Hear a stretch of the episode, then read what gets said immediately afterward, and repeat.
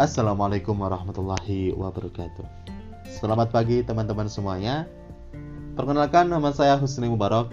Saya seorang praktisi NLP yang saat ini sedang bergerak di bidang self development khususnya di bagian mindset. Ya, ini adalah channel pertama saya, podcast pertama saya, dan selebihnya ke depannya nanti saya akan membahas banyak hal yang berkaitan dengan dunia pengembangan diri.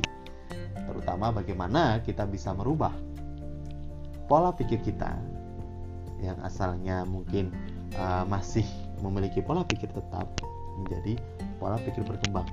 Sehingga akan membantu Anda menjadi pribadi yang lebih baik ke depannya ya uh, mungkin pengenalannya cukup itu terlebih dahulu saat ini. Uh, selamat mendengarkan selamat menunggu episode episode selanjutnya. Sekian assalamualaikum warahmatullahi wabarakatuh